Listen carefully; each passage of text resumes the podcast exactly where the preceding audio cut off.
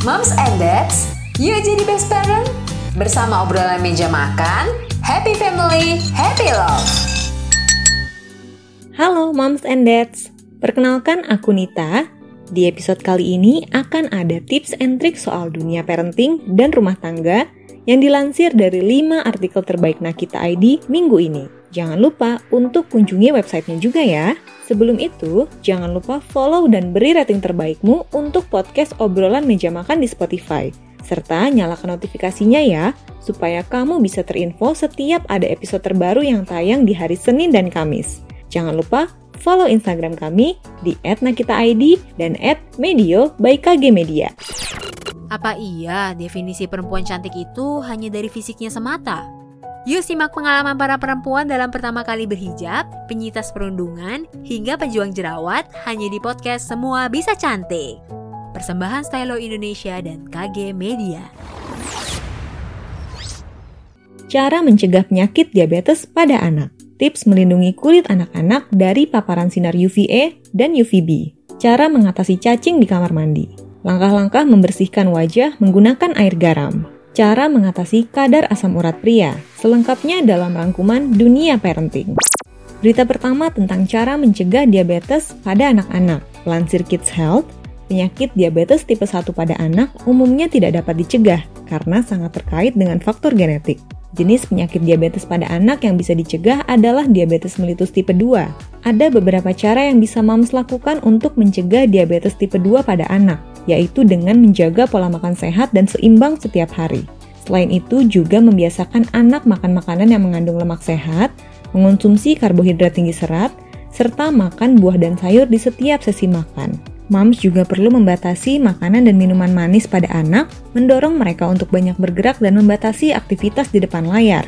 Jika anak kelebihan berat badan dan berisiko terkena diabetes tipe 2, konsultasikan ke dokter spesialis anak dan ahli gizi.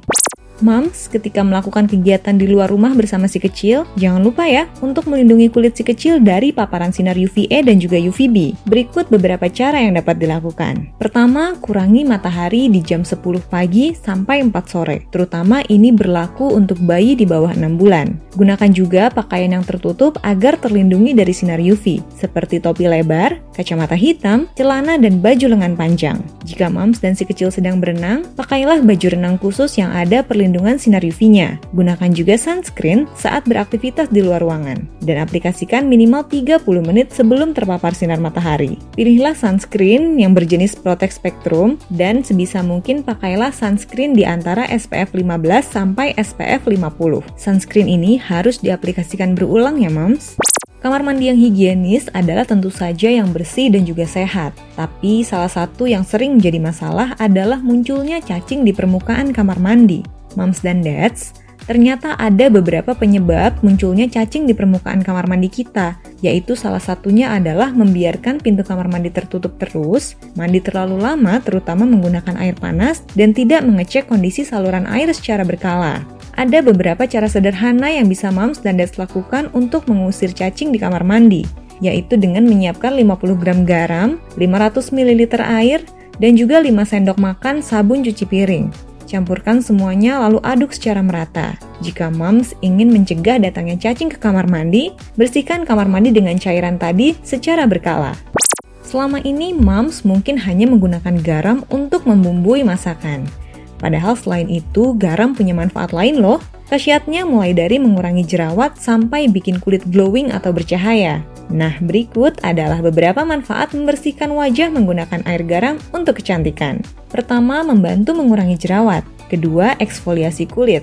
Ketiga, menghilangkan bekas luka. Dan keempat, membuat kulit wajah menjadi glowing. Air garam dapat membantu mendetoksifikasi atau mengeluarkan racun dalam tubuh. Selain itu, juga dapat mengurangi peradangan dan memunculkan cahaya alami pada kulit. Asam urat merupakan salah satu penyakit yang perlu diwaspadai, khususnya oleh para pria. Nah, kalau kadar asam urat sedang tinggi, that's jangan panik dulu. Tetap tenang karena asam urat yang tinggi bisa diturunkan. Menariknya lagi, penyakit asam urat ternyata dapat diatasi dengan bahan alami, yakni menggunakan kopi.